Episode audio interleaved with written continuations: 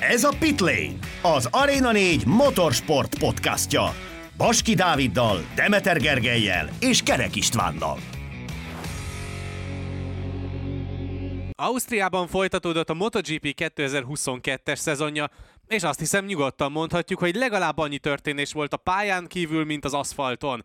Az új sikán tökéletesre vizsgázott, Márquez visszatért a pedokba, Adorna pedig egy huszárvágással átírta a 2023-as hétvégék forgatókönyvét, jönnek ugyanis a sprintversenyek és a pilótapiacon is fontos események történtek.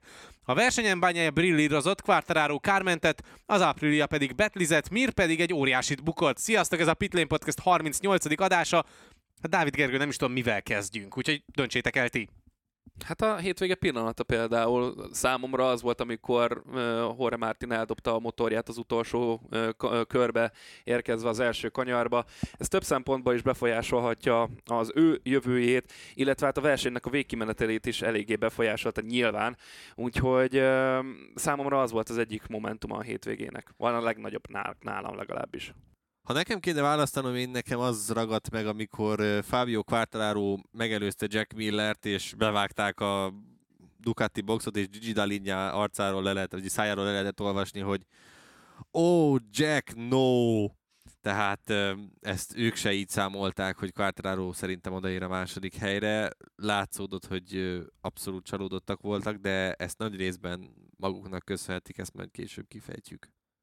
Én is nagyjából Quartararo előzését hoztam volna fel, de egyszerűen csak amiatt, mert ez nem csak a futam szempontjából volt egy rettenetesen fontos előzés, hanem tényleg ezzel az előzéssel és ezzel a második helyen egy hatalmasat lépett a világbajnoki címvédés felé Fábio Quartararo. De akkor kezdjük is el részletesebben kitárgyalni a mögöttünk hagyott verseny hétvégét. Banyaja ugye nagyon simán le tudta rajtolni Bastianinit, és a második helyről rögtön az első kanyarban már elsőként tudott elfordulni és onnantól kezdve igazából nem is kellett foglalkozni azzal, hogy mi történik mögötte. Ugye volt egy olyan pillanat, amikor Miller elkezdte őt támadni, de az is csak inkább ilyen információ átadás volt Miller szerint, de összességében ez egy rettenetesen erős hétvége volt bányájától, úgy, hogy ugye már az ő hát motorján is erősen. láthattuk az új uh, aerocsomagot. Így van, illetve nem indult erősen. Tehát a pénteki nap után azt mondta bányája, hogy nagyon el vannak veszve, és ha nincsen ugye mögötte a csapat, és nem segítenek neki ebből kilábalni, akkor ez a győzelem nem jött volna össze. De ez látszódott egyébként, tehát, hogy pénteken és szombaton is délelőtt még nem mondtad volna, hogy bányája ennyire erős lehet. Aztán az FP4-en feltűnt, hogy azért van neki nagyon jó kis tempója. De egyébként mivel... talán pont te mondtad az FP2 után, hogy alapvetően azért nagyon jó versenytempója volt már a péntek délutáni szabad edzésen is bányájának, ugyanúgy olyan Quartararónak. Tehát ott azért arra már lehetett következtetni, hogy vasárnap erősebb lesz Banyája, mint mondjuk szombaton a kvalifikáción, előzetes várakozások szerint. Igen, valamilyen szinten látszódott, de, de szombatra érett össze, és állt össze igazán ez a, ez a hétvége számára. Én, de az a baj, hogy amikor így bányája beáll az érre, és úgy megy magától, és keveset mutogatják, akkor mindig előtör az ember, vagyis bennem még mindig előtör ez a para, a, hogy láthatunk egy tavalyi mizánói ö, húzást a részéről, hogy, hogy így senkitől sem zavartatva elesik. Talán ezért volt jó, hogy tényleg, ahogy te is mondtad, hogy Miller megpróbálta egyszer betámadni ilyen jelzésértékel, hogy fiú, ha nem mész gyorsabban, én fogok tudni és Bányája is mondta, hogy akkor ott vállalt egy tempót, és el is tudott egy picit lógni Millertől, úgyhogy ez nagyon-nagyon sokat számított szerintem, hogy Miller egyébként okosan versenyzett, már amennyire lehetett Bányája mögött, és hát igen, csak hát nekem, én nem tudom ti, hogy vagytok vele, de hogy én még mindig két, tehát picit kételkedem ebben a, ebben a bányája futásban, hogy ez meddig, meddig tarthat ki. Én értem, hogy most hármat nyert Ginorban, de de most jön az a Mizánói hétvége, ahol tökéletesen adja magát, hogy itt fogja megint eldobni a motort az érről. Legalábbis bennem még mindig ez a dolog fogalmazódik. Mm, én nem, nem értek ezzel egyet, tehát nagyon hátulról kell följönni a pontok tekintetében. Tehát egy jó pár fordulóval ezelőtt, meg már nyári szünet előtt arról beszélgettünk, hogy Bányájának a bajnoki esélyének lőttek. Tehát annyira nagy a hátránya Quartararoval és Alejssel szemben, hogy esélye nincsen arra, hogy ezek után megfogja. Aztán jött Assan, megváltozott hirtelen minden. Látjuk, hogy Alejs is azért tud hibázgatni, hogyha nem feltétlenül a versenyen őt ö, üti ki, mondjuk Quartararo, akkor nála is volt ugye szabad edzéseken bukás, ami miatt nem volt meg ugye megfelelő tempója természetesen, és ezek miatt már egy jó pár ideje nincsen dobogós eredmény. Utoljára ö, pont Mugello-ban volt ö, neki dobogós helyezése, tehát rengeteg pontot veszített az elmúlt időszakban, ahhoz képest, hogy volt nullázása ettől függetlenül bányájának. Szóval nagyon szoros most kettő között így is az állás, tehát valahogy kibalanszolták egymás között, és Quartararo sem ö, mutat valami olyan jó formát, bár mondjuk ezt az osztrák hétvégét nagyon-nagyon komolyan megmentette, pedig attól tartottunk, hogy ő nem fog tudni majd beleszólni a Ducatik első három helyébe. Elkönyveltük jó formán, mert annyira gyorsnak tűntek a Ducatik, aztán mégis megváltozott ez a helyzet. Tehát, és a jön nagyon-nagyon szoros, a 44 pontos hátrányt ide mondanám nagyon-nagyon szorosnak. De három futamot nyert Zsinorba, jön egy olyan hétvége, Igen, ahol, de Dávid, nem nyer... hogyha mondjuk úgy van, és egyébként Mizánóban simán lehet az, hogy megint bejönnek egy-kettőben, mert Quartararo itt jól ment tavaly. Igen, ez is igaz, ebben is igazad van. Egyébként az év végéig, ha nem elég az, hogy mondjuk egy-kettőben jönnek ez, be. Ebben egyetértünk, ez így van, és a többieknek kellene a Ducati részéről följönni. Ezért és volt ez egy nagyon jó hétvége papíron a Ducatinak, mert abszolút úgy tűnt, hogy Quartararo elől értékes pozíciókat és pontokat tudnak elvenni. Így van, ez, mondom még egyszer, igazatok van, csak nem úgy nézett ki például, hogy ti is mondtátok bányájának a hétvégé, hogy egyáltalán ezt meg fogja tudni nyerni. És Mizano egy olyan hétvége, ahol ki, történetesen Bastianini vagy Bezeki is elképesztően gyors tud lenni, és egy olyan upsetet mutatni, amit mondjuk meglepi Jó, de esetben ott, ott bányájától is el tudnak pontokat venni ők is. Hát azt nem gondolnám, hogy nagyon megmernék kockáztatni véleményem szerint. Hát most figyelj, ez az a baj, hogy ez ilyen olaszos módiban ez nem igazán működik. Tehát, hogy nem fognak szólni tényleg csak az utolsó versenyekig szerintem, hogy, hogy ne támadjátok meg, ne csináljátok ezt. Tehát azért, ha a verseny elején, ha megnézed, ott Bastianini ugyanúgy visszapróbál támadni Millernek is, Martinnak is, tehát hogy ott azért nem volt, és pont ez volt az, ami ugye végül a vesztét okozta ennek a nagy Ducatis taktikának, hogy Így majd van. akkor jól elveszünk pontokat. Ugye Bastianininek az a, hát, hogy szokták ezt magyarul nem jut eszembe, hogy volt egy ilyen nem törés, hanem egy eldeformálódott ugye az első felnie. Miután kiszé... Igen, miután kiszélesítette az egyik kanyart, és hogy jött vissza, megakadt a rázókövön, egyébként nagyon fura ilyet nagyon ritkán látni Ugye Martinnak a bukása, Miller pedig tényleg uh, azt a második helyet ezt valahogy meg kellett volna tartani, de itt jön be az ugye, ami a futam előtti döntésekre vonatkozik, hogy sokkal jobban döntött mind Quartararo, mint pedig mondjuk Akár Luca Marini. Akár Luca Marini, hogy, hogy ugye, akkor maradjunk gyártón belül. Igen, hogy, hogy jobb gumiválasztással mentek. Tehát ez a, ez a soft médium, én ezt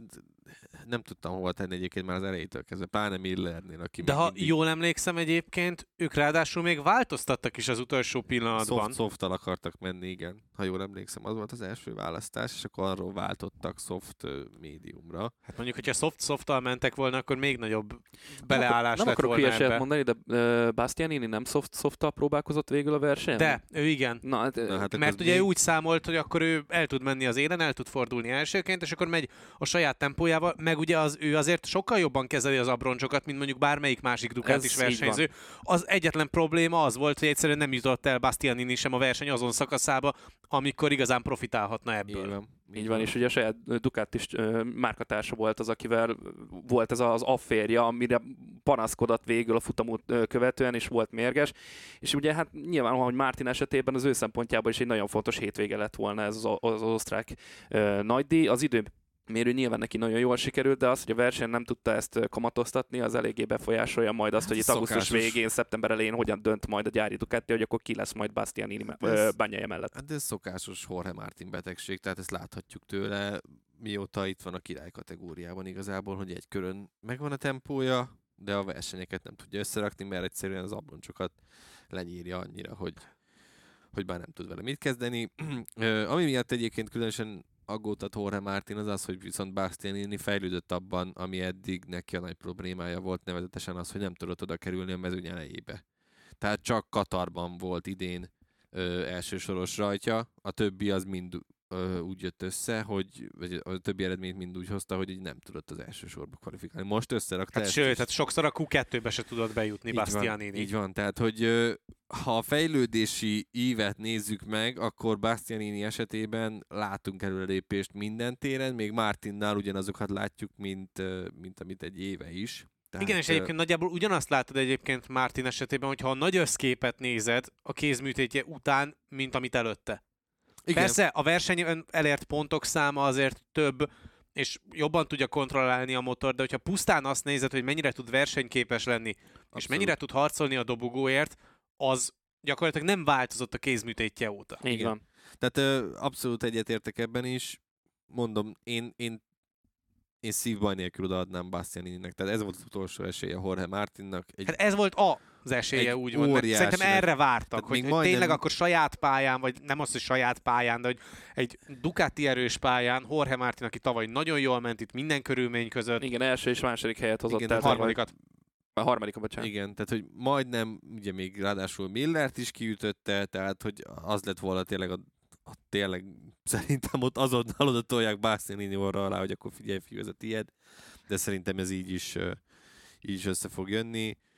A, a, nekem az a kép is nagyon megragadt, amikor bevágták a Pramac boxot a bukás után, és akkor csak így a vezető szerelője vagy vezető mérnöke így széttette a kezét, hogy hát mit csináljak. Ezt csinálja minden, év, minden versenyen ezen a, ebben az évben ez a fiú.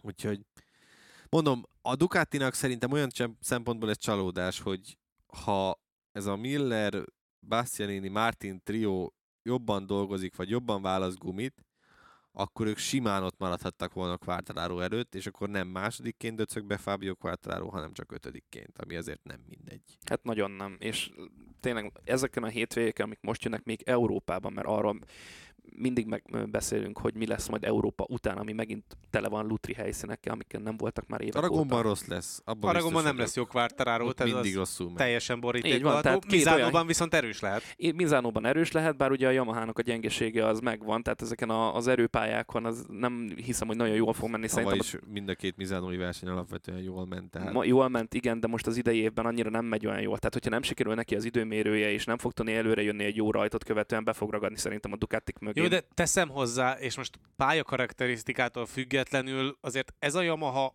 van annyira jó, Fábio Quartararoval van annyira jó, vagy Quartararo van annyira jó, hogy még egy rossz pályán is behozza az első két sor egyikébe a kvalin, és onnantól kezdve viszont egy jó rajtot fogva az élen tud menni. É, alapvetően tud, de azért azt is kell látni, hogy itt most, ö, Most adott neki a gép. most szerencséje is volt, tehát így van. Tehát, azt tehát ami mondjuk az előző két hétvégén nem volt meg, azt most igen, visszakapta tehát kvázi. Bastianini kihullott előre, Martin is ugye elhibázta a sikánt és visszaengedte, tehát az egyetlen igazi előzése, fogalmazzunk úgy, az igazából Millerem volt. Az pedig tényleg az egyértelműen Jack, Jack Miller sara, aki nyilván mondta, hogy hát próbálta ott már a gumikat menedzselni, és már úgy motorozott, mint egy nagymama, de hogy nyilván ott adott, most, most visszaadott valamit az élet Fábio Quartararo-nak. Nem, tehát abba biztos vagyok, hogy, hogy ezt a következő hétvégéken nem fogja mindig megkapni. Ennek ellenére zseniálisan motorozott megint. És neki ugye most ezeken a hétvégéken, legalábbis amíg Európában vagyunk, akkor a kármentés lesz a fő szempont, hogy minél kevesebb pontot bukjon,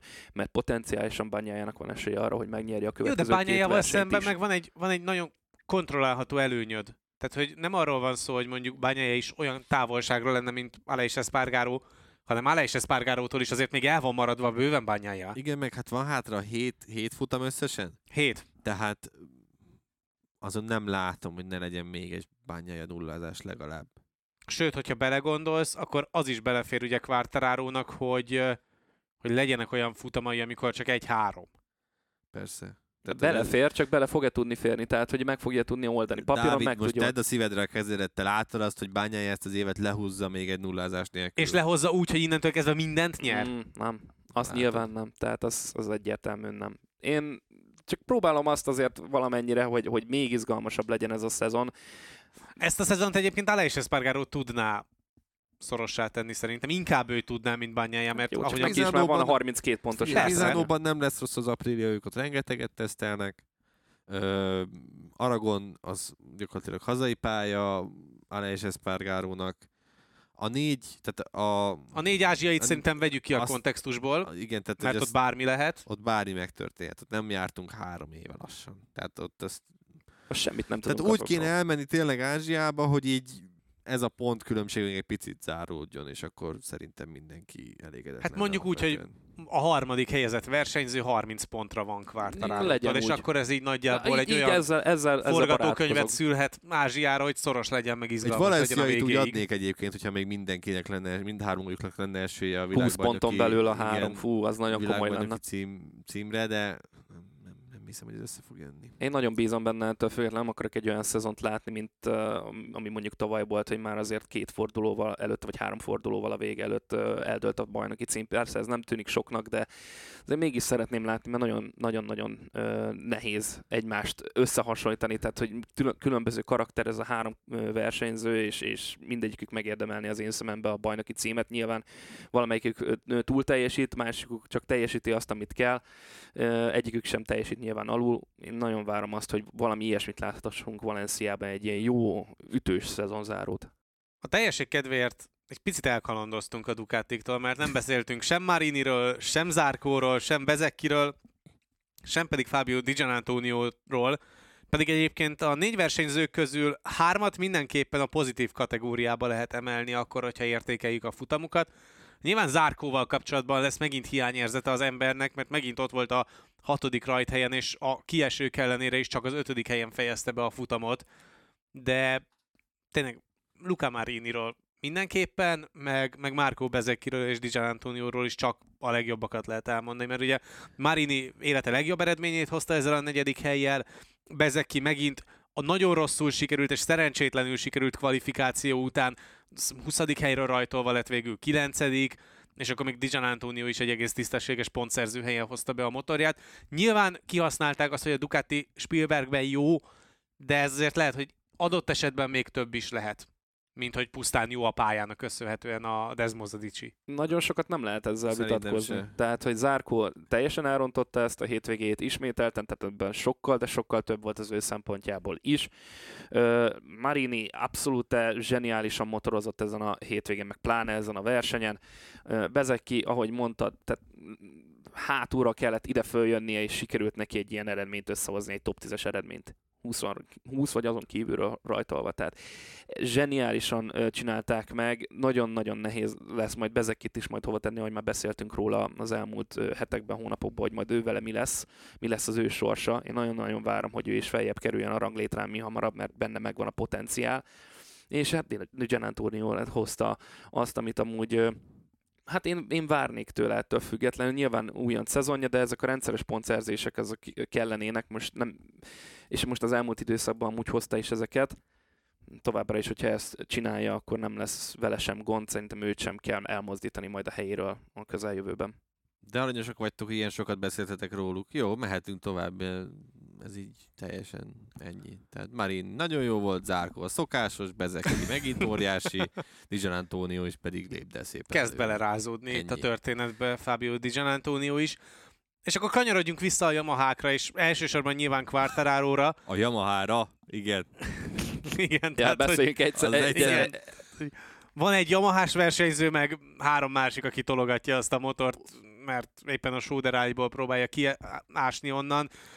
De hogy ugye arról beszéltünk már, hogy mennyire adott Quartararo-nak ezen a hétvégén a gép, de a pálya mennyire adott Quartararo-nak, mennyit profitált adott esetben abból a sikámból, ami a hétvégét megelőzően rengeteg beszédtémát adott, akár a podcastünkben, akár pedig a közvetítés során Robival.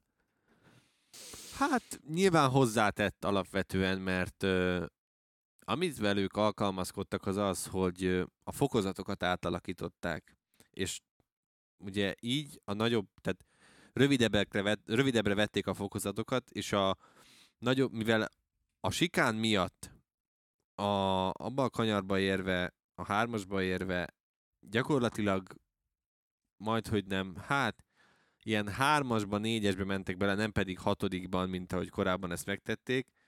Így a sikánban ő rengeteget tudott nyerni azon a kigyorsításon a rövid fokozatok miatt, és ez látszódott is alapvetően.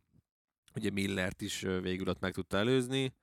Megint, tehát, hogy az, amit ez a csávó tud ezen a gépen, az, az egyébként le a kalappal előtte, de én tényleg azt gondolom, hogy ehhez kellett azért tényleg a, a Ducatinak ez a rossz gumiválasztása, Martin hibája, Miller hát bénázása, fogalmazzunk úgy, és, és azért az is, hogy az Aprilia nem volt annyira, annyira elős. Ennek ellenére tényleg le a kalappal, mert amit alá is Espargaro mondott, hogy szombaton talán, hogy Quartararo a mezőny legjobb tagja, azzal, vagy a mezőny legjobb motorosa, azzal most nehéz nem Hát nehéz vitatkozni Igen. ezzel. Pedig tehát... egyébként Quartararo ezen a hétvégén tényleg elment a falig. Tehát ugye, ahogyan ő is fogalmazott a kvalifikációt követően, hogy egyszerűen nem volt több abban a motorban. De ez körön... minden, ér... de minden, minden versenyen csinálja az évben. Ő ezt mondta, hogy nem csak minden versenyen, hanem az minden egész szezonban. szabad edzésen, minden időmérő edzésen, a verseny minden egyes kanyarjában neki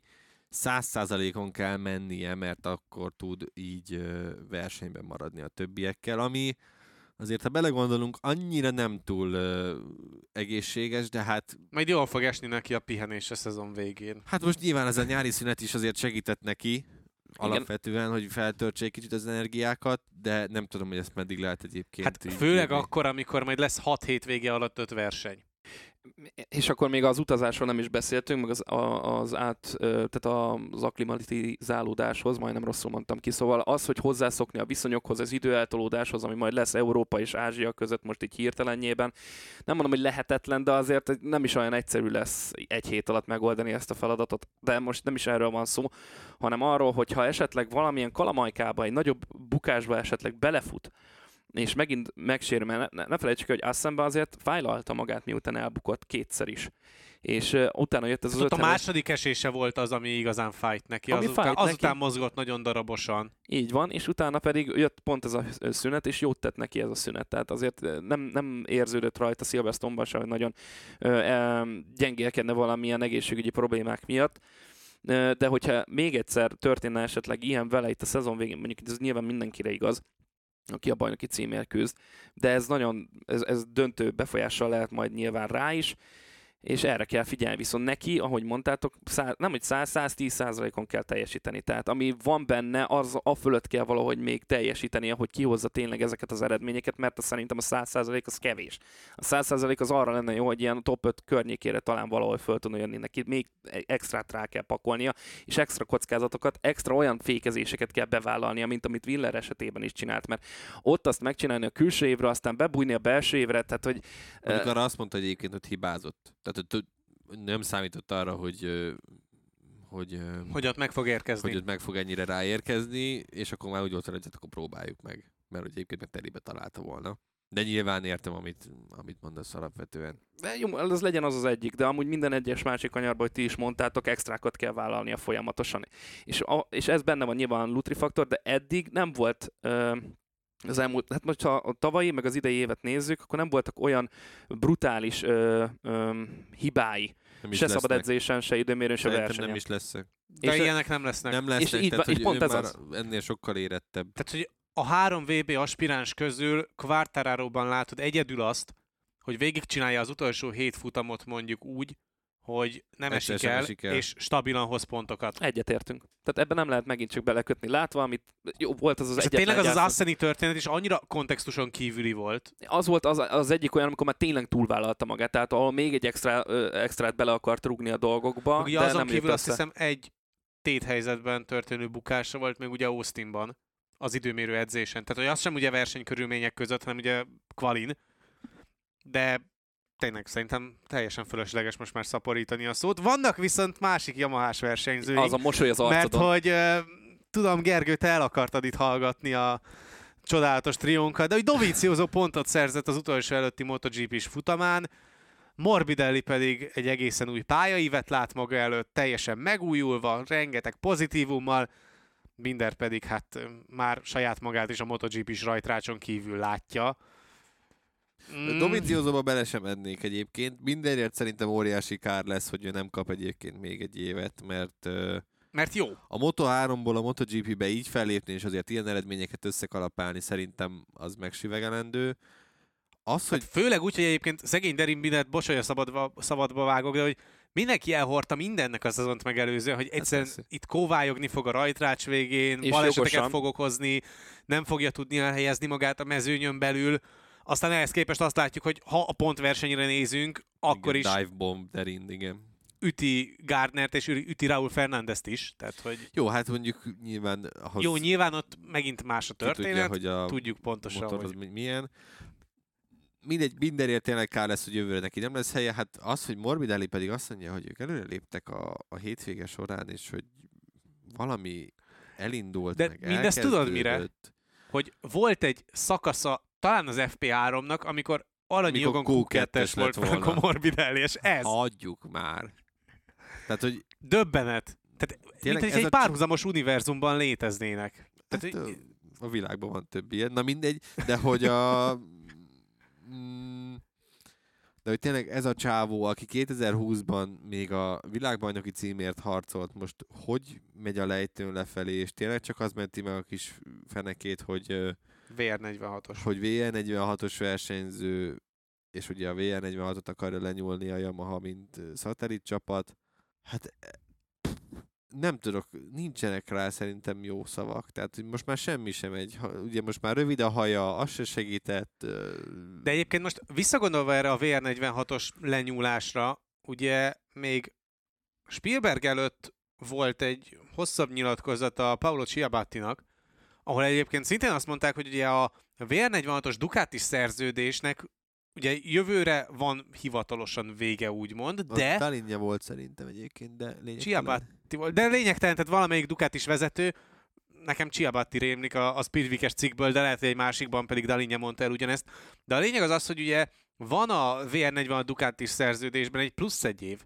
Tehát, hogy akkor most kidobsz még kettő évet alsó hangon a kukába csak azért, hogy Franco Morbidelli és a VR46-os köteléket ápolgasd?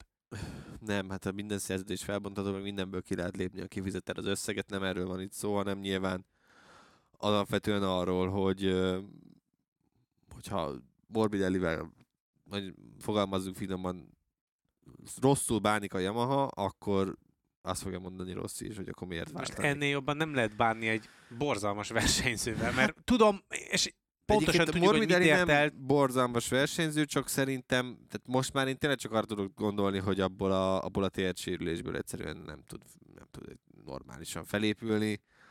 Amit én értek, csak Csak ekközben meg azt látjuk, hogy több megnézném a- tehetséges versenyzőknek emiatt nincsen helye. meg ezerszer inkább megnézném a török Superbike versenyző fiút helyette. Mert Most már valakinek- eljutottunk ide, hogy egy pár hónappal ezelőtt még nem erről beszélgettünk, tehát hogy uh, nyilván benne de, van. De pár hónappal ezelőtt még a szezon előtt voltunk, és azt vártunk, hogy Morbidelli Megtáltosodik, és megtalálja magát. szépen igen. kipihenve, kisimultan neki Ennek megy ellenére nem ez- holt versenyben a szezonnak, de Így hát van, tehát ennek ellenére nagyon nem ez történik. Egy szónak is száll a vége. Szerintem ez a Yamahás trió, ez, Kuka. ez teljesen. nem baj, hogy mondjuk jövőre kettőt látunk majd.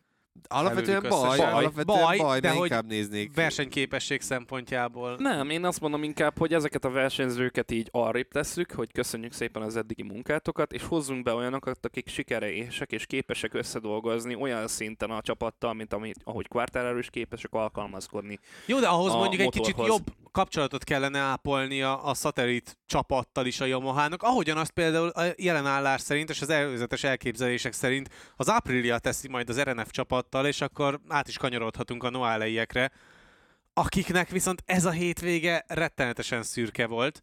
Mi volt annak a kulcsa, hogy ennyire beleszürkült a mezőnybe, mind Maverick Viñales, mind pedig Alex Espargaro? Hát ez egyértelműen látszódott a két aprílián, hogy nincs meg a formájuk, tehát semmit nem tudtak csinálni a szabad edzések alatt, az időmérő alatt és a verseny alatt sem, amire így igazán fölkaptad volna a fejedet. Nem volt meg egyszerűen bennük a tempó, legalábbis ez látszódott. Számoltunk is azzal, hogy nem lesz egy erős hétvégéjük, hogyha őszinték akarunk lenni, tehát azért a futamot megelőzően is gondoltunk arra, hogy ez nem az ő futamuk lesz, de hogy ennyire e, kiestek a, a körforgásba itt a dobogós helyekért vívott, tehát az, hogy 13. lett Maverick Viñales azután, hogy hozott két pódiumot az előző két fordulóból, a szezon egyik legrosszabb eredményét sikerült produkálnia úgy, hogy ugye azért buktak előle, nem kevesen.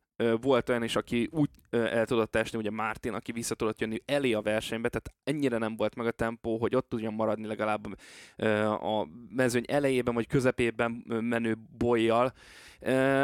Ennyire gyenge volt ilyen pillanatban ez az Aprilia, de ezt most el kell felejteni ezt a hétvégét.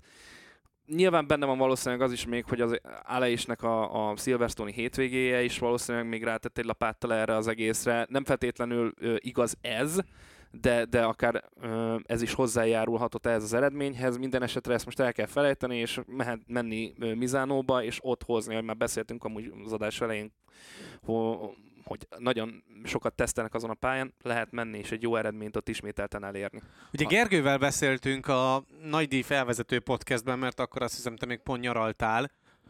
Igen, te még nyaraltál Igen. akkor, mert kedden vettük fel kivételesen. lényeges. Nem, igen. csak hogy azt akartam kihozni belőle, hogy akkor pont Társág. te mondtad azt, hogy Ugye az Apriliával kapcsolatban nem tudjuk igazán őket hova tenni ezen a pályán, legalábbis az idei Apriliát nem tudjuk, csak ugye abból indultunk ki, hogy a tavalyi évhez képest mindenhol sikerült előrelépni. Ez volt az első olyan hét, amikor nem sikerült a tavalyi évhez képest? Hát... Szerintem, ja, szerintem most igen. Én az Aprilia eredmény is egy, az Aprilia eredményét is kicsit hogy mondjam, torznak érzem olyan szempontból, hogy azért azt ne felejtsük el, hogy a gumiválasztást ők is gyönyörűen benézték. Tehát ez a hátsó lágy választás, ez úgy, ahogy volt, egy teljes idiótaság volt. Tehát látszódott már a futam felénél, hogy gyakorlatilag egyikőjük sem tud normálisan kigyorsítani. Tehát, hogyha az nincsen viszont, akkor sokkal-sokkal előrébb lehettek volna, én azt gondolom. De hát ez meg olyan, hogy ha anyámnak meg izéje van, akkor ő lenne apám. Tehát, hogy nyilván ezzel nem lehet mit kezdeni, de szerintem ezen is elment. A versenyen ebben sokkal-sokkal több volt, és fájni fog ez még megint csak. Ez, ez szerintem ugyanúgy, mint ez a barcelonai pillanat volt, hogy vagy az Asseni, ugye, hogy Barcelonában elnézte le és Espargaro, hogy hány kör van hátra, vesztett pozíciókat, az Asseni kiütésével pedig gyakorlatilag mondhatjuk, hogy egy futamgyőzelmet bukott el, mert az a felzárkózás, amit utána ment, az valami óriási volt, tehát szerintem senki nem állította volna meg ez igen, ez fog fájni most nagyon, hogy, hogy itt azért vaskos pontokat elbuktak Quartararóval szemben.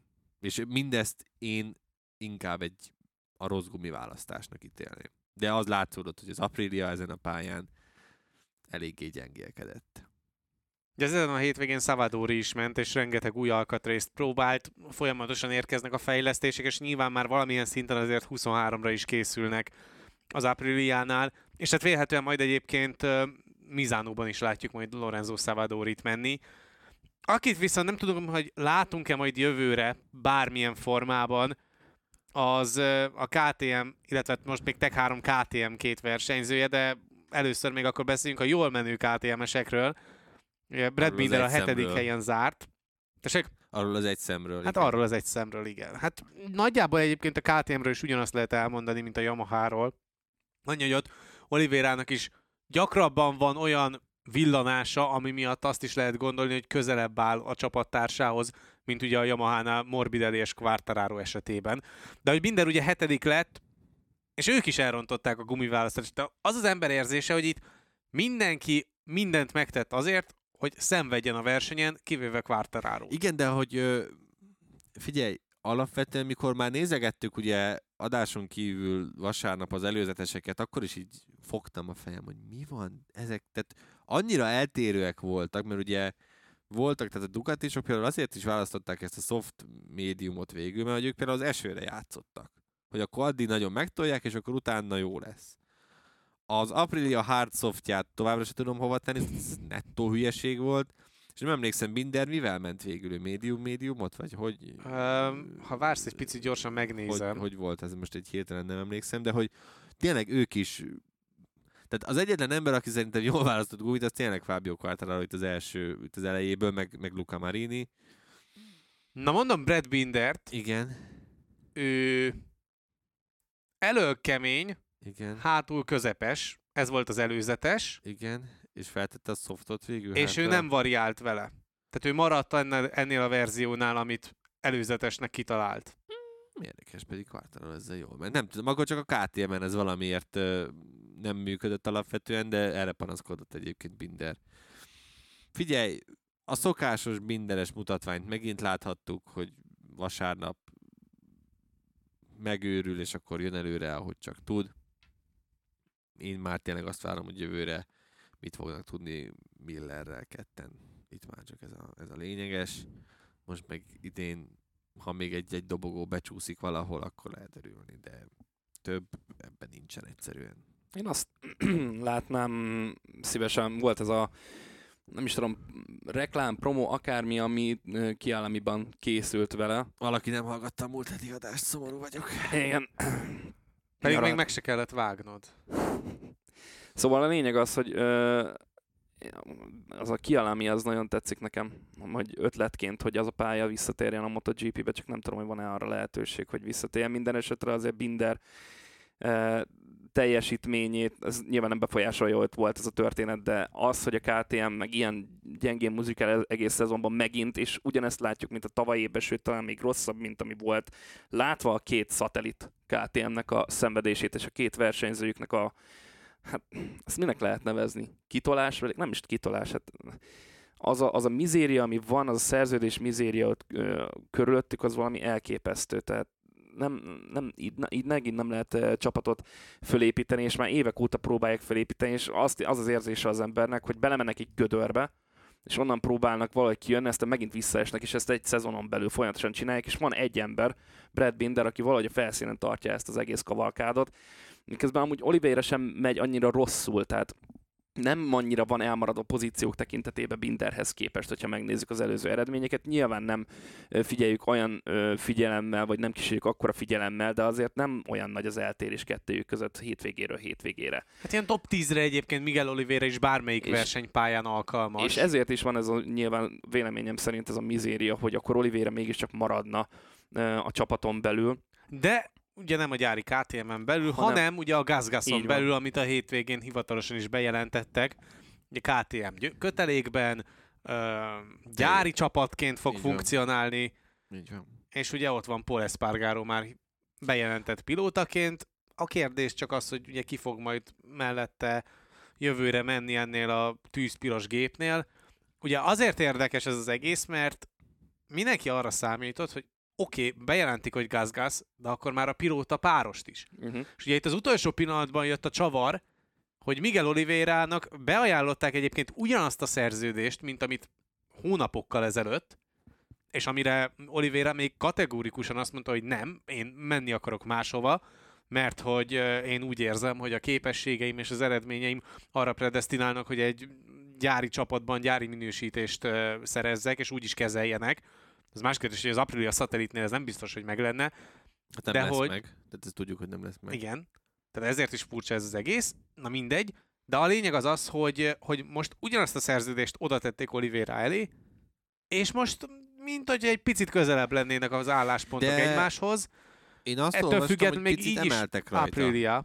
Tehát, Mm. hogy én úgy emlékszem, hogy picit emeltek a, az összegen. Ami miatt, tehát, hogy a lényeg, hogy azért engedik el a fiatal versenyzőket, ez látszódik, mert hogy egyszerűen ezzel a motorral újoncok nem tudnak menni. Tehát ez egyre inkább ö, kiderül. Ugye Raúl Fernández nagy nehezen kikászálódik valahogy ebből a szerződésből, elmegy apriliázni.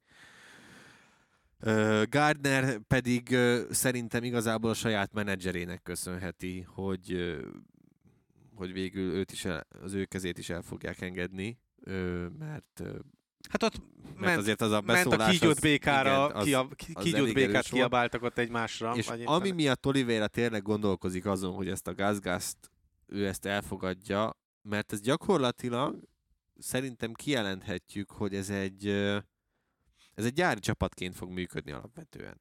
Tehát, hogy Nem csak nevében, hanem így funkcióját tehát, hogy tekintve is egy külön projekt. van, tehát teljes értel, teljesen olyan lesz, mint egy gyári csapat, nem egy, nem egy ilyen szatellit. Öm, én ezért látom azt, hogy egyébként végül visszatáncol inkább, és akkor ö, elfogadja ezt az ajánlatot. Hát nagyon sok helyen nem, nem tud hova menni. Hát tehát Aprilia vagy gázgáz, tehát hogy mm, hetek Egyébként óta ez az maga- egyetlen kérdés. Maga van. ez a gazgáz projekt, meg hogy ezt ilyen lelkesen csinálja a KTM, nekem tökre tetszik. Tehát, hogy sokkal komolyabban veszik, mint mondjuk a Suzuki ezt az utóbbi jó néhány évet már, ez egyszerűen látszódik rajta. Tehát, hogy minden pénzt beleölnek, mindenhol próbálnak minél több márkát megjeleníteni, és, és tényleg ez egy tök jó, tök jó irány. Alapvetően látszódik, hogy ahogy a, ez szerintem ez a kapcsolat, ez komolyabb lesz, mint a Ducati Pramac. Tehát ugye a Pramacnál is ugye minden van, pénz, paripa, fegyver, amit csak akarsz, szerintem a Gazgasnál ez még inkább elmondható lesz ilyen KTM-es viszonylatban. Ami érdekes tényleg, hogyha Oliveira megy, akkor most felültetik azt az Augusto Fernandes, akinek ugyanúgy adnak egy évet, mert hogyha jövőre megnyeri Pedro Acosta a Moto2-t, akkor neki kell valahol helyet találni. De én látok egyébként egy olyan forgatókönyvet is, hogy ö, ugye az írta szeret belenyúlkálni itt a szerződésekbe, hogy inkább olyat tegyünk már fel, akiből nincsen a rajtrácson, és hát ugye a Gazgasson van egy brit fiatalember, aki az utóbbi három versenyen egész jól muzsikál itt a Moto2-ben, Dixie Boy. és hát Így hallottam még. Dixie Boy, igen, a Homer fiú előbb a, Istenem. a kis kavicsa alól. Igen, tehát, hogy a, a Dixon féle vonalat Dixie is Boy. egyébként, a Dixie Isten. Boy-t. Kész, megvan a címe az adásnak. Igen, Tök a- mindegy, miről beszélünk benne. Ez nagyon csak a. City Boy hiányzik belőle, remélem azt is bevágod, és Á. akkor nagyon-nagyon jó lesz. Úgyhogy szerintem az sem, az sem kizárt, de egyébként igen, ezért engedik el az újoncokat, mert ez a KTM, ez nem, ez nem újoncbarát masina, ez minden, csak az nem. Hát látszik az, amit tényleg itt a pilótákkal csinálnak, hogy kiket akarnak elhozni, amit látjuk, meg halljuk az elmúlt hetek, hónapok híreiből. Igen, de egyébként pont a KTM kapcsán jut az ember eszébe az, hogy van egy pont, ahol már hátrány, illetve nagyon nagy fejvakarást jelent az, hogyha túl sok tehetséged van. Hát igen, És a KTM-nél most pont ez a probléma. elég nagy problémába estek ezáltal, igen, tehát hogy nagyon nehéz a Moto2 után egy szintet ugrani még a MotoGP-be. Vannak olyan Ez versenyzők. Hát azért közelebb van, mint korábban volt. Tehát azért azt, Az azt is biztos. mondják sokan, hogy sokkal közelebb van most a Moto2, mint a MotoGP. De egy szónak is száz a vége, haladjunk, mert tényleg soha nem fogunk végére érni, annyi minden van. Akkor ugorjunk is a Suzuki-sokra, mert hogy Rins a nyolcadik helyen zárt, Mirnek pedig volt négy kanyarja az osztrák nagydíjon, hatalmasat bugott, és ugye Mizánóra őt már ki is zárták. Egyáltalán miért van még nem Joan kizárták, Mir a hát az Suzuki? orvosok nem, hogy nem kizárták. Tehát félre ne értse valaki, 15 Ja, napos igen. pihenést írtak neki elő az orvosok. Igen. Legalább. Jó, most itt lehet lovagolni a szavakon, de igen, tehát hogy az biztos, hogy Joan Mirt nem látjuk majd Mizánóban motorozni. Egyáltalán miért volt még a Suzuki Joan Mir, miért lesz még ezután is a Suzuki Joan Mir, és ez az egész hogyan fogja befolyásolni a szezonját. Ugye erről is beszéltünk a hétvégén részletesebben Robival, hogy, hogy egyszerűen, meg az előző podcastben szintén Gergővel, hogy, hogy egyszerűen semmi nem indokolja egyszerűen azt, hogy Joan Mirt még a suzuki lássuk. Egyáltalán ugye a Suzuki garázsában lássuk. Én Azért- nem feltétlenek értek egyet, de mondd Geri, és aztán elmondom az én véleményem. Azért ö, látjuk egyébként még mindig ott, mert ugye még a jövő évi megállapodása sem született meg, vagyis hát most ütnek le minden részletet. Elvileg arról van szó, hogy ugye Mir szeretne minél több suzuki emberkét átvinni a Hondához, de ezt úgy szeretné megtenni, hogy ugye a Hondától se kelljen kirúgdosni embereket, és hogy ugye most ezen megy, hogy próbál nekik teljesen új feladatkört, meg mindent kitalálni, hogy minél több ember tudjon magával vinni ebből a megszűnő suzuki csapatból. Tehát ezen eh, emiatt van azt szerintem, hogy őt még mindig látjuk ezen a suzuki semmi másért. Mert ugye nyilván ahhoz még egy összeget ki kéne csengetni, hogy akkor már most felültessék a Hondára. Egyszerűen nincsen értelme. Tehát a csapattól belülről érkező információk szerint is egyszerűen ez már nem működik úgy, mint korábban. Minden, tehát egy- ez olyan, mint egy, mint nyilván egy munkahelyen, amikor bejelentik, hogy akkor egy néhány hónap múlva lehúzzuk a rolót, úgy készüljetek, hogy ez meg ez meg ez lesz, eddig van szerződésetek, stb. Hogy nem tudnak egyszerűen úgy működni, nem tudják ezt uh, maguk, Nem lehet kizárni. maguk Ez egy rossz hagyni, házasság. nem tudják kizárni ö, teljes mértékben ezt az egész történetet, úgyhogy ö, már a csapat működése is megromlott ezért olyan szinten, és ezért láthatjuk ezeket a sokkal-sokkal gyengébb eredményeket is, ami alapvetően érthető, csak hát kicsit fáj látni, hogy kicsivel Ez egy mint két év alatt hova, hova jutott ez a, ez, a, ez a csapat, ugye a világbajnokot ők, ők adták még két évvel ezelőtt, most pedig már, már tényleg ez már csak egy ilyen Egy egy ilyen, vergődés. egy ilyen halálmenetnek lehetne hívni, de nem baj, mert Mizánóba érkezik az azok is nagyfőnök, hogy mi az Istennek, azt mondjuk nem tudom, de ott lesz, és ugye most emiatt kitalálták azt, hogy hát akkor nagyon jó lenne, hogyha elnök úr tiszteletére kapja be, valami japán versenyzőt ültetnének majd fel Mir helyére, ami nettó ez, ezen én is fennakadt a szemem nekem is, hogy ez mégis, hogy a Tehát francba az jutott az ő eszébe. már ez a gyökér, ha eddig nem tudott, na mindegy. Hát szerepelni akar még Hát utoljára. még a végén meg akarja mutatni magát, magát, hogy, Hát de otthon, ott, ott, otthon is ki lehet menni, vagy otthon meg lehet. otthon nem mernek. De az menni. nem ugyanaz a benne. pedok, érted, mint otthon. Hát itt ki akar menni MotoGP pedokba itt is, meg majd Japánba is, és akkor majd ott izé brillírozhat magának. De hát nyilván elvenné a sót a Honda Japánban, szóval meg a Yamaha. Ez a Honda? És Hát, akkor de- ugorhatunk is rájuk egyébként, mert hogy ott viszont, hú, Na, tehát hallgat. ez a Honda, ez olyan tisztességes eredménysort tudott felmutatni a hétvégén, hogy egy 14. hely, Pontok. egy 16 egy 17 és egy be nem fejezett futam. Pontok. Ezt mind önerőből, skillből, teljes zsákutca az egész történet, Hát figyelj, az a, és most én azon gondolkozom egyébként, hogy szerinted ez mennyire fáj nekik, hogy az év elején szerezték azt az egy szem, egy szem és pódiumot, azóta a ha- közelében Mert sem. ha az nem lenne, akkor jövőre koncesziós gyártóként lehetnének a mezőnyben. Ú, tényleg. Ezen még nem is gondolkodtam. Igen. el. Bizony. Azért az milyen lenne? Az a Repsol durva lenne.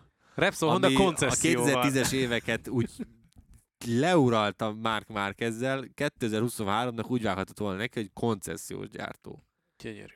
Brutális. Tehát, hogy Ez tökéletes indok arra egyébként, hogy miért kell teljesen átalakítani. és jönnek a is Hondát. elvileg ugye a nagy változások. Ugye van már bejelentett változás, bár ez nem feltétlenül a Hondát, hanem ugye Mark Márqueznek az anturázsát illeti, ugye, hogy Alzamorát kirúgták, és uh, csapatszinten pedig ugye a hétvégén még arról beszéltünk, hogy, hogy jöhet esetleg Davide Brivio, esetleg jöhet Livio Suppo, de ugye az első híresztelések szerint úgy volt a történet, hogy Alberto Puig mellé ezáltal felosztanák egymás között a feladatokat. Igen, mert hogy ugye Brivio abban zseniális volt mindig, hogy a japánokkal való kapcsolattartás az nagyon jól ment neki, de hogy ö, Manuel Pessino, ugye az egyik legbenfentesebb újságíró, tegnap csak annyit tett ki Twitterre, hogy hát ő már hallott belsős információkat arról, hogy micsoda nagy változásokat lehetnek a, a, a Hondánál. Nem, ő úgy tudja, hogy Brivio nem, de ellenben az egészet a feje tetejére, tetejére fogják állítani.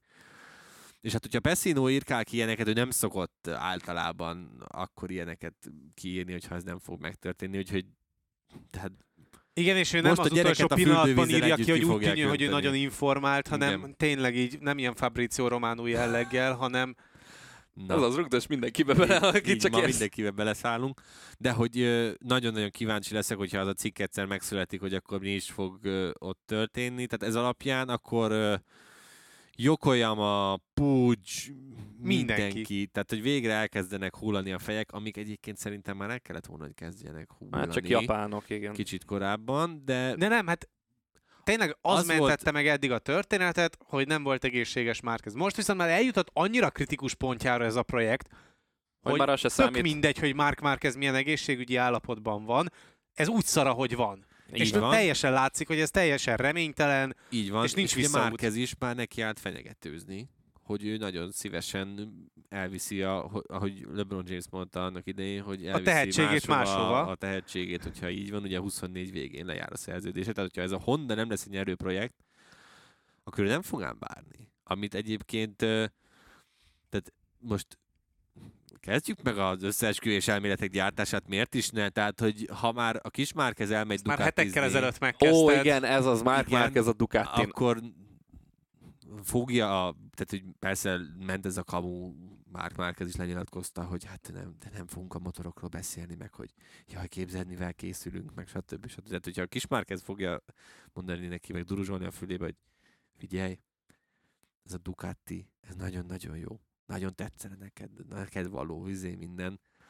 Akkor Akkor hülye lenne Mark Márquez azt mondani, hogy hát én inkább maradok a kihívásnál. Hát egy jogi alapot azért teremtene magának ezzel, tehát így egy, egy üzleti ö, előnyre tenne szert, és akkor... Ó, jó, igen, majd biztos beperlik már ezt a nem, hondások, nem, hogy szó, nem, szó nincsen a erről. kis Márquez miatt biztos, te tudtad, hogy jó lesz. Nem, a nem, Ducati. szó nincsen erről, csak így tudja mondani, hogy hát gyerekek, hogyha nincs meg az az ütőkártya nálam a kezemben, magyarul a motor, amivel versenyképes tudnék lenni és a bajnoki címért menni, hogyha mennyit szenvedtem a sérülésem után, meg a sérülésemmel, akkor, akkor cseszétek meg, megyek máshova, a sikereket tudok elérni.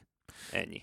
Meg egyébként ugye még egy dolog, ami fontos, hogy azt Quartararo is kiemelte, amit Márquez is mondott, hogy egyszerűbb, egyszerűen muszáj lesz európai módra elkezdenie dolgozni a mind a Hondának, mind a Yamahának, hogy felvegye a versenyt a Ducatival, Apriliával, KTM-mel, mert az látszódik, hogy főleg a Ducati és az Aprilia bizonyos területeken sokkal-sokkal jobban működik, és sokkal-sokkal jobban tudnak lereagálni bizonyos dolgokat, történéseket. De a Yamaha-nál már nem ennek az előszele ugye az új motorblokk fejlesztőjének a megérkezése, és az ő Hát de kis most ez is olyan, hogy- gárdájának a Oké. hatalom átvétele? Oké, okay, figyelj, fel, tehát betezik az új blokkot, ami hogy a tesztek alapján erősebb lesz, Quartararónak tetszik, stb. stb. stb. De mondjuk megkotlik kétszer, akkor ezek a japánok úgy kiveszik azt a blokkot, mint a húzat. Uh-huh. Tehát, hogy nekik a biztosnak a biztosának a biztosa fog kelleni ahhoz, hogy rábólincsanak valamire. Én legalábbis ezt látom. Tehát, hogyha ha nem lesz meg a megbízhatóság, meg ilyesmi, akkor nagy változásokat nem fognak engedni, ami nyilván egy idő után elkezdi majd frusztrálni Quartararót, és hát nyilván Mark Márquez pedig meglátjuk, hogy eleve ő is milyen állapotban tér majd vissza. Tessék, 25-ös gyári Ducati rajtrács, Quartararo Mark Márquez. Itt hallották először, Igen, köszönjük szépen. igen, és akkor a, a világ pénze, és akkor minden szatellit csapatot, meg mindent elenged a Ducati, és akkor csak gyári csapattal nekivágnak 2025-nek. Hát azt is el kellene felezni azt a csapatot, hogy egy, egy lényegében az az egy csapat, az két külön csapatra bomlik ebbe a. Igen. De egyébként alapvetően én adnám, tehát megnézném mind a kettőjüket, de kicsit messzire kanyarodtunk ettől a hondás történetet, szóval Na majd Nakagami megmenti a projektet, mert hogy ugye jövőre ő marad. igen, Na ez a másik, amit tehát ezen így is így néztem, Nem, jó, akkor itt figyelj, zárom be az egészet, én köszönjük. értem, hogy miért marad. Nagyon egyszerű, az Ogurától megkérdezték a hétvégén, miután Paul szerzett, hogy amúgy figyelj már, akkor nem akarsz jövőre MotoGP-t, mondta, hogy I have no interest in MotoGP, amire egy Miller is hátrafordult, és megkérdezte, hogy tényleg, ezt komolyan mondod? És akkor mondta, hogy igen, tehát hogy őt nem Most érdekli, ő még erre a Hondára miért akarna ő felülni még a Moto2-es Moto2-ben versenyző? akar először szerintem egy címet szerezni, és Nakagamit pedig azért fogják megtartani, hogy ne úgy vágjanak neki a szezonnak, hogy, hogy három olyan ember ül a négy motoron, akik még életükben Hondán nem ültek, tehát Nakagamival egy picit ez a kontinuitás, ez legalább akkor így megmarad. És akkor tudják majd ö, alapozgatni az ő véleményére is adott esetben, hogy akkor mi az, ami jó, mi az, ami nem. A Honda a világ legnagyobb motorgyártója egyébként előbb-utóbb ki fog találni ebből a zsákutcából, én azt gondolom. Nyilván ehhez Márquez óriási lökést is fog adni nekik, és a Mir duó is tud előrelépést jelenteni alapvetően. Hát az nem kicsi előrelépés, az a duó. Tehát az, amivel érkeznek, amivel támadnak pilóta felállásba, az nagyon félelmetes. Félve kérdezem meg, mert ugye már az előbb is sürgetted a történetet, Gergő, de hogy akarunk-e beszélni arról, hogy nagyon-nagyon fontos lenne mindenki számára az, hogy Mark Márquez a Mizánui teszteken már, verse, már Szerintem menjen a erről Hondával. majd, majd inkább jövő héten, Jó. mert akkor úgyis az szorosabban kapcsolódik a behangozóhoz. Akkor viszont kezdheted a győztesekkel vagy a vesztesekkel. Én mondjak győztest?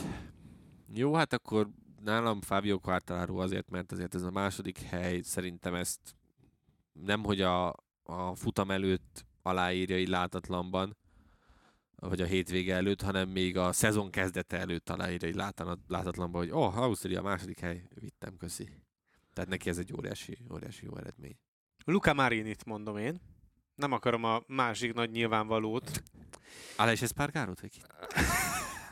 Én is amúgy már én itt Egy akartam. másik részem Úgy fog voltam vele, hogy majd szerepelni. átadod nekem a szót, hogy mondom, én akkor mondtam volna Marinit, de amúgy én nem bánom, akkor marad banyája nyilván. Tehát, hogyha más a harmadik opcióként muszáj őt betenni, hát ő nyerte a versenyt, hozott pontokat. Aztán majd vágódik egy hatalmasat Mizánóban, és mehet a ez levesbe az, az ez egész. az, jó. Nem kell hatalmas, de elég, hogy az érrel elcsúszik, tehát hogy az, az megy neki. Kettesbe eldobja úgy, mint tavaly.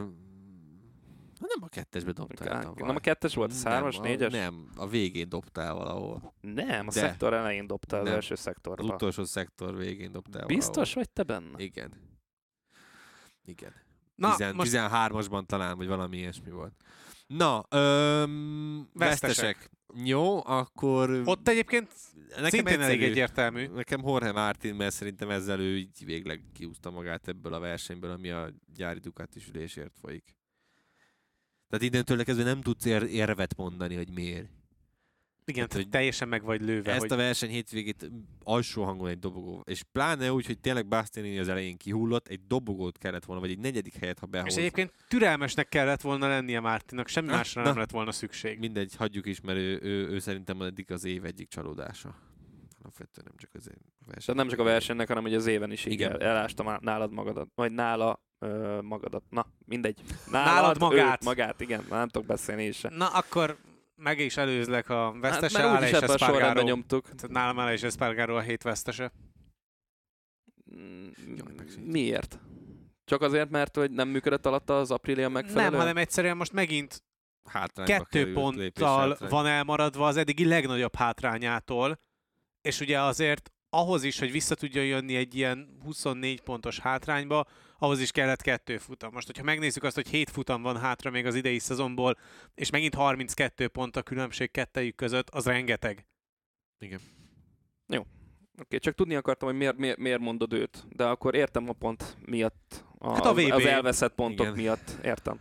Én azt mondom, hogy Bastianini... Azt hittem azt mondod Jake Dixon, annyira reméltem. Ja, őt nem, ő győztes hát lehetett győztes volna. lehetett volna. Mindegy.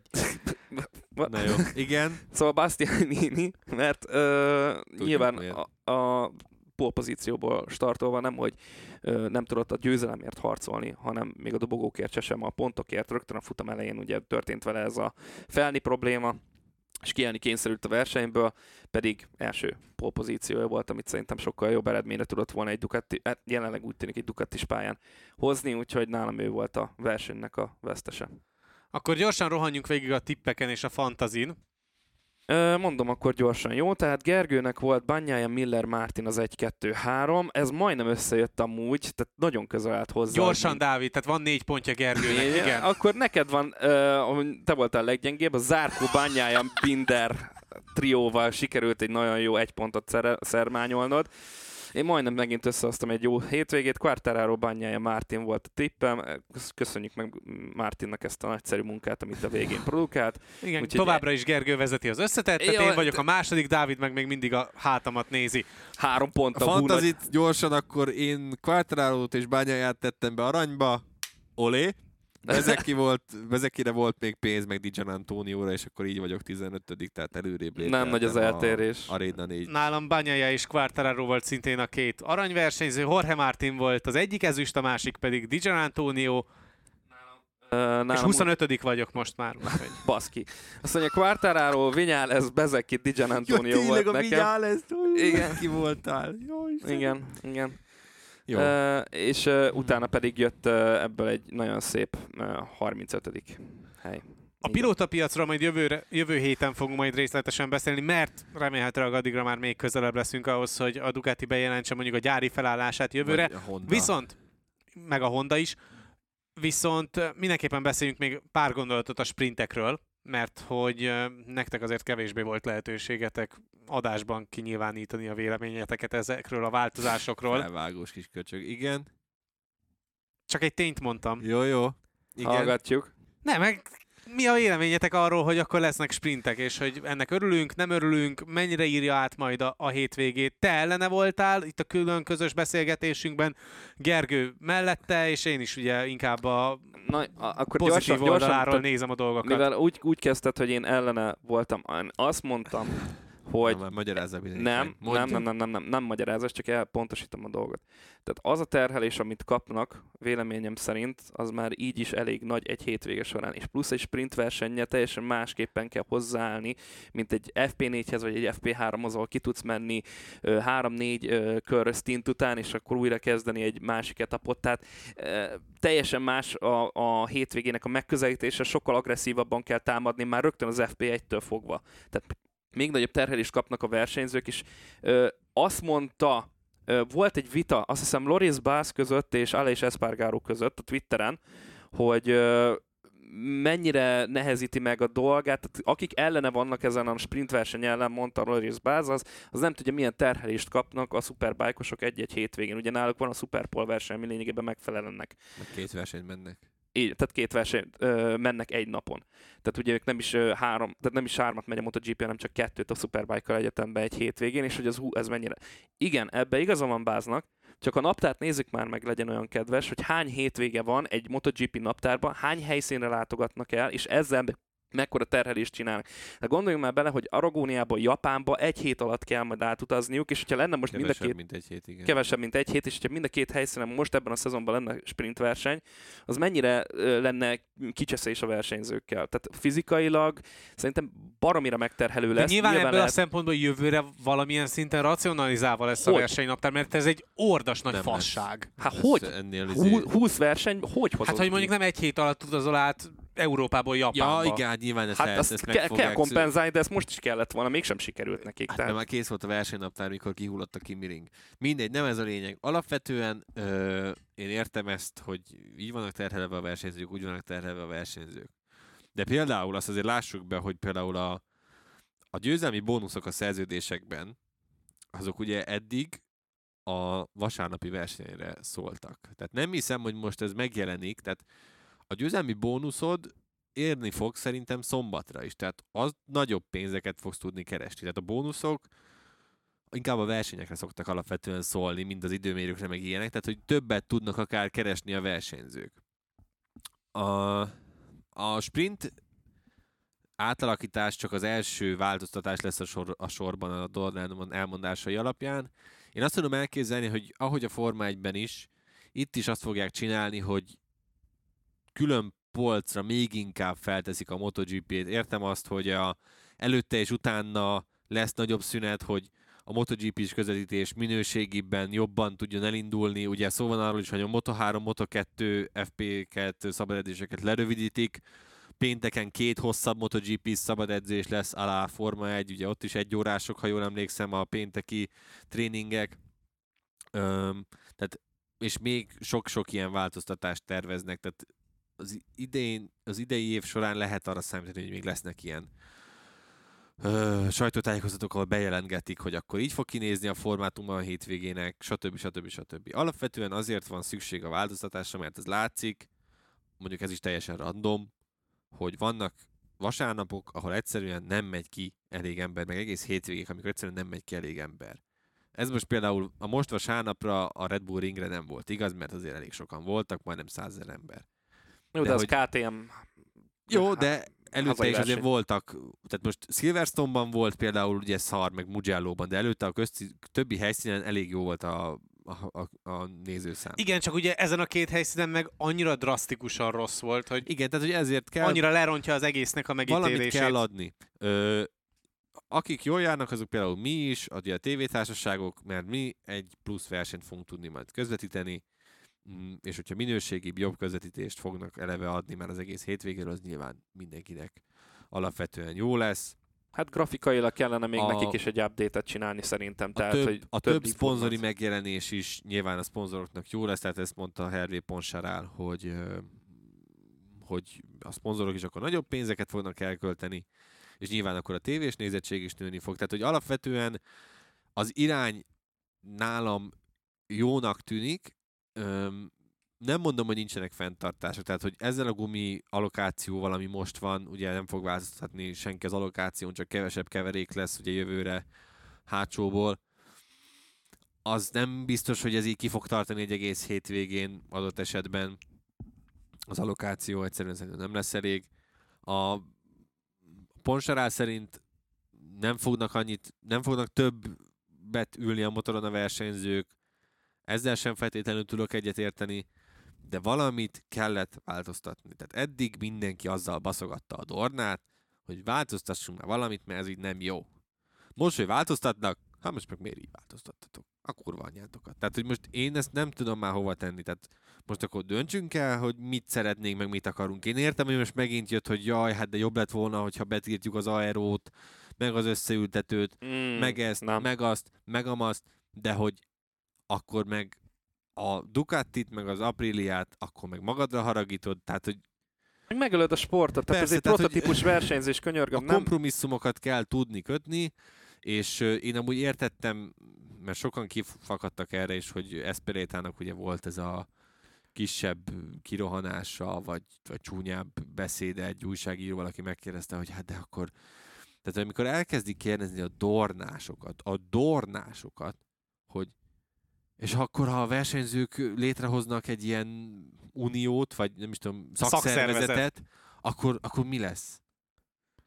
Hát most a dornás embernek mi köze van hozzá? Hát most, ha a versenyző akar uniót, akkor ez olyan, mint amikor a, összeveszel a csajoddal, és akkor oda mész az anyjához, hogy amúgy valami, érted? Tehát nem is értem, hogy ott miért kellett ezt a, ezt a minden áron, ezt a, és akkor a szakszervezetben lesznek, hát most Hát jó, nekem a kedvencem egyébként Ponsára reakciója volt erre, Az- aki, az neve, ne, jó aki volt. konkrétan kiröhögte ezt az egészet. Persze, de mondta ő is, hogy 25 éve van szó arról, hogy legyen egy És mégsem állt sose senki Soha. az élére. Soha. Senkiben nem Persze. fordul meg az, hogy na jó, akkor lépjenek egyet az irányába. Persze, Persze, Mindig mert- csak ez lóg a levegőben, megy a fenyegetőzés, és most teszem hozzá, nem fogja összeszarni magát sem a Ponserál vezette csapatszövetség, sem a Dorna, sem az FIM Senki. akkor, hogyha ezt a pilóta szakszervezetet megalapítja. Meg erre van, Senkit a, nem fog érdekelni. amiben tök igazuk van, erre van ez a rohadt safety commission is egyébként. Hát azon keresztül értékel Így ugye van. azt, hogy legyen sikán Ausztriában. Lett Igen. sikán? Lett. Igen, tehát, hogy Tehát ami érdeket akarnak érvényesíteni mondjuk a versenyzők, azt ezen keresztül meg tudják tenni. Jó, annyi, annyi hogy egy dolog egyébként, hogy azért se látom, hogy ez valaha összeálljon igazán, mert hogy itt a, a gyártók nagyon-nagyon szorosan kötődnek a, a versenyzőkhöz is. Tehát, hogy nyilván ami érdeke a Ducatis versenyzőknek, az a Yamahásoknak például rohadtul nem lesz érdeke. Tehát, hogy itt ezek is, a, amik igazán beleszámítanak. És a, a szakszervezetnek tényleg akkor lenne értelme, hogyha akarnak ilyen minimumbért, mert ugye erről volt szó, hogy minimumbért szeretnének előbb-utóbb majd a MotoGP-ben, hogy az újoncok is kapjanak tisztességes összeget, meg hogy az ilyenek ne történhessenek meg az ő, ő tanács, vagy az ő beleszólásuk nélkül. Egyébként teszem hozzá, azt meg nem értem, hogy a itt egy, meg inkább a csapatvezetőket venném elé, hogy amúgy ti nem akartatok szólni a saját versenyzőiteknek. ha, ezt akartam mondani. Pontosan ez. Hát ez. ugye ezt mondta Espeletá is, hogy nem az FIM-nek és nem a Dornának a kötelessége szólni a versenyzőknek arról, hogy mi, dő, mi dől el, hanem a csapatnak Igen, alapvetően igen, a felelőssége ez. Igen, és én, se, én is értetlenül nézek, hogy hogy nem tudtak erről a versenyzők, amikor beültek a sajtát, és hogy erről ti mikor hallottatok? Az volt a legviccesebb egyébként az egészben, hogy voltak versenyzők, akik ugye másnap is nyilatkoztak erről szombaton, mert ugye pénteken volt ez a nagy rádöbbenés, hogy az újságíróktól tudták meg, hogy ez egyáltalán tervben van egy ilyen változtatás,